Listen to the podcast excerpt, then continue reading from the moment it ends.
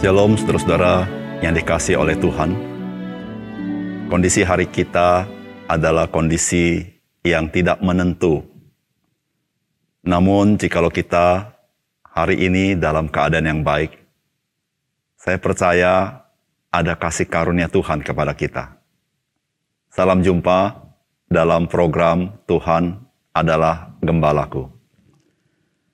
Pada umumnya, kita sering kali memiliki semangat bahwa apa yang terjadi yang baik dalam hidup kita itu merupakan sebuah kewajaran. Dan ketika kita menyadari pada saat itu bahwa sesungguhnya ketika kita mengalami hal yang baik, ternyata pada saat yang sama sebetulnya kita sedang terintai dengan bahaya. Maka pada saat yang seperti itu kita baru tahu bahwa apa yang baik yang kita alami itu sebetulnya bukanlah sesuatu yang sewajarnya. Tetapi itu merupakan sesuatu yang istimewa yang terjadi kepada kita. Karena bahaya itu tidak melanda kehidupan kita. Saudara demikian juga sikap kita kepada kebaikan Tuhan. Ada kalanya kita berpikir bahwa Tuhan bertindak baik kepada kita itu sesuatu yang wajar. Namun ketika kita menyadari siapakah kita? Kita orang yang berdosa yang sering kali menyakiti hati Tuhan. Maka kita akan tahu bahwa sebetulnya Tuhan memiliki hak untuk melakukan sesuatu yang sebaliknya kepada kita. Nah di situlah saudara kita baru memahami akan kasih karunia Tuhan. Mari kita membaca firman Tuhan yang terdapat di dalam Yohanes pasal ketiga ayat 16 sampai 21. Karena begitu besar kasih Allah akan dunia ini, sehingga ia telah mengaruniakan anaknya yang tunggal, supaya setiap orang yang percaya kepadanya tidak binasa, melainkan beroleh hidup yang kekal. Sebab Allah mengutus anaknya ke dalam dunia bukan untuk menghakimi dunia, melainkan untuk menyelamatkannya oleh dia. Barang siapa percaya kepadanya, ia tidak akan dihukum. Barang siapa tidak percaya, ia telah berada di bawah hukuman. Sebab ia tidak percaya dalam nama anak tunggal Allah. Dan inilah hukuman itu Terang telah datang ke dalam dunia, tetapi manusia lebih menyukai kegelapan daripada terang. Sebab perbuatan-perbuatan mereka jahat. Sebab barang siapa berbuat jahat, membenci terang, dan tidak datang kepada terang itu, supaya perbuatan-perbuatannya yang jahat itu tidak nampak. Tetapi barang siapa melakukan yang benar, ia datang kepada terang, supaya menjadi nyata bahwa perbuatan-perbuatannya dilakukan dalam Allah. Saudara yang dikasih oleh Tuhan, menyadari bahwa Allah adalah kasih. Pada umumnya, manusia yang percaya adanya Tuhan, mereka mengakui Allah adalah kasih. Namun, untuk menyelami bagaimana Allah mengasihi kita, saudara itu tidak dapat diselami dengan cara kita berpikir dan menganalisa. Namun semua itu hanya dapat kita memahami ketika Tuhan menyatakan kasihnya kepada kita.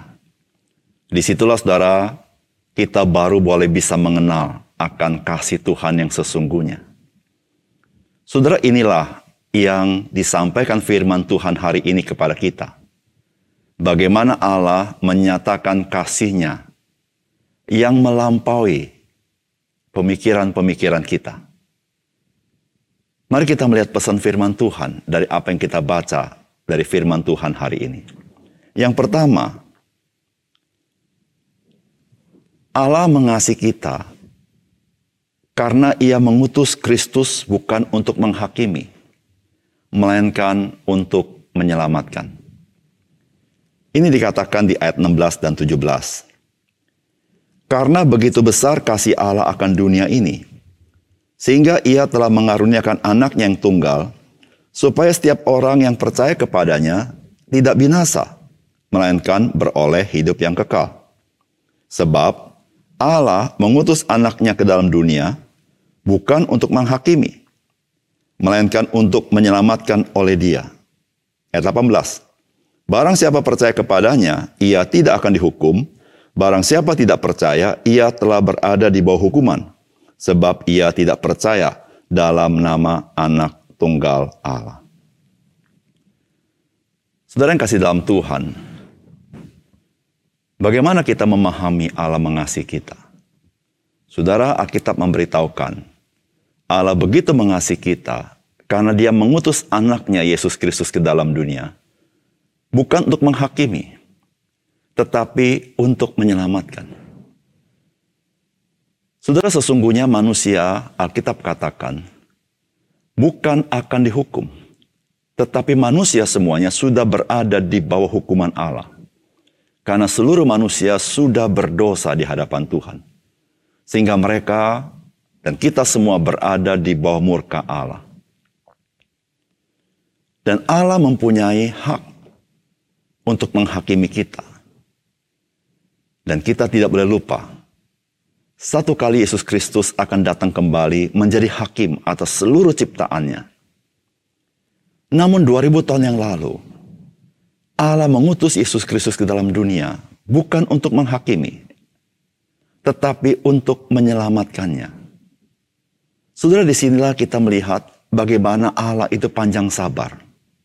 Allah itu begitu mengasihi kita, Allah tidak menghakimi kita yang telah berada di bawah murka Allah. Jikalau Allah bertindak seperti itu, dia datang mengutus anaknya untuk menghakimi kita, maka tidak seorang pun yang bisa diselamatkan. Semuanya binasa.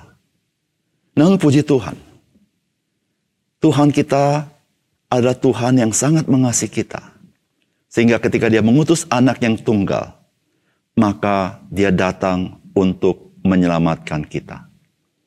Nah, saudara yang kasih dalam Tuhan, setiap kita yang beroleh keselamatan itu, itu semata-mata karena anugerah Tuhan. Kita diselamatkan dari murka Allah.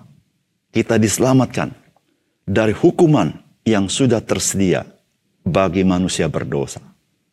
Saudara yang kasih dalam Tuhan, Ketika kita memahami kasih Allah yang seperti ini, kasih Allah yang mau menyelamatkan kita, saudara, apakah kita mau percaya kepada kasih yang seperti ini?